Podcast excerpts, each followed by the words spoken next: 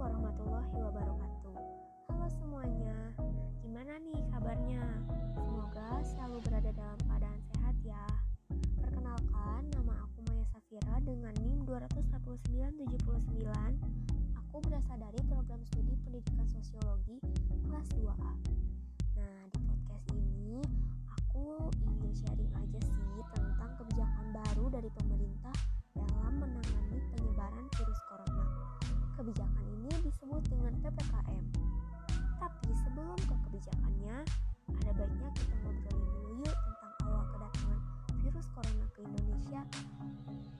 Jadi, awal mula corona bisa terjangkit ke salah satu WNI itu terjadi pada tanggal 2 Maret 2020.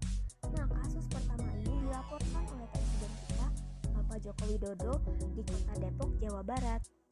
WNI ini kita sebut aja dengan NT. NT ini berusia 31 tahun. Nah, NT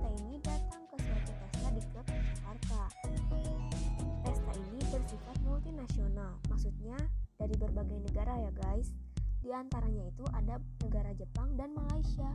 Nah, NT ini tertular dari warga negara Jepang. Karena penyebaran virus ini yang begitu cepat, makanya semakin hari semakin bertambah juga kasusnya. Nah, yuk sekarang kita bahas tentang kebijakan PPKM-nya. Jadi, kebijakan PPKM atau pelaksanaan pembatasan kegiatan masyarakat adalah kebijakan yang diberlakukan sebagai upaya menjamin keselamatan masyarakat di tengah peningkatan kasus COVID-19 yang masih tinggi. Saat ini, kebijakan PPKM sudah terlaksana di 73 kabupaten dan kota yang tersebar di seluruh provinsi, mulai dari Pulau Jawa hingga Pulau Bali.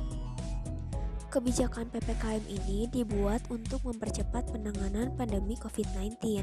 Kebijakan ini juga dirancang sedemikian rupa untuk kepentingan sektor kesehatan dan ekonomi. Bisa dilihat berdasarkan grafik yang dipaparkan di berita-berita di mana Pulau Jawa dan Bali merupakan zona merah dan kontributor terbesar di tingkat nasional dan menambah kasus positif tertinggi. Nah, PPKM ini itu berbasis skala mikro. Hah, kayak gimana sih itu? Jadi, prinsip dari PPKM mikro ini sebenarnya adalah pembatasan, bukan pelarangan.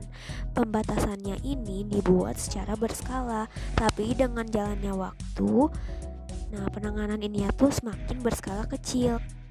Pada PPKM mikro, pekerja yang bekerja di kantor dibatasi 50% atau dengan tetap menerapkan protokol kesehatan, sedangkan sisanya bekerja dari rumah atau work from home. Selain itu, pusat perbelanjaan atau mall yang sebelumnya hanya boleh beroperasi hingga pukul 8 malam, dalam PPKM Mikro ini bisa buka sampai pukul 9 malam.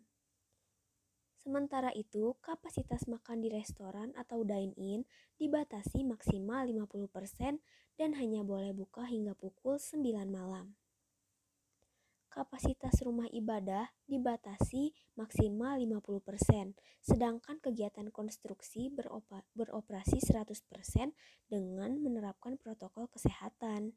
Kegiatan di fasilitas umum atau fasilitas sosial budaya yang berpotensi menimbulkan kerumunan dihentikan sementara.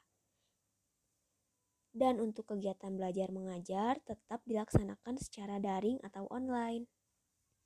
Tentunya penerapan kebijakan ini itu adalah upaya partisipatif atau gotong royong dari semua elemen di masyarakat. PPKM berskala mikro juga diharapkan bisa menurunkan tingkat positif dan melandaikan kurva penularan. Nah, tentunya kebijakan ini gak akan berjalan dengan semestinya tanpa ada peran dari masyarakat. Kebijakan ini sudah dirancang sedemikian rupa oleh pemerintah supaya tingkat penyebaran virus tidak semakin menjalar dan meluas ke berbagai daerah. Tentu saja dalam hal ini pemerintah memerlukan kerjasama dengan masyarakat agar kebijakan tersebut terlaksana sebagaimana mestinya. Masyarakat diharapkan patuh terhadap kebijakan yang ada, bukan menentang apalagi menyepelekan serta menganggap remeh keputusan pemerintah. Karena kenyataannya, masih banyak masyarakat yang acuh dengan kebijakan ini. Mereka melupakan fakta bahwa pandemi ini belum berakhir. Jadilah masyarakat yang bijak dan tertib terhadap aturan yang ada. Masyarakat bisa memulai dari hal yang kecil dulu, seperti sering cuci tangan, menggunakan sabun ya tentunya, menjaga jarak, menggunakan masker dengan tepat, membawa hand sanitizer dan peralatan makan sendiri ketika bepergian, dan lain sebagainya. Nah, mungkin segitu dulu ya yang bisa aku sampaikan kepada kalian tentang kebijakan PPKM berskala mikro ini. Yuk, kita sama-sama lawan corona, kita sukseskan program pemerintah, kita bekerja sama dan bersatu untuk mengusir corona dari Indonesia. Akhir kata, aku Maya Safira pamit undur diri. Makasih banyak yang udah dengerin sampai akhir. Stay safe, pakai masker, dan jaga jarak ya. Ayo saling melindungi satu sama lain.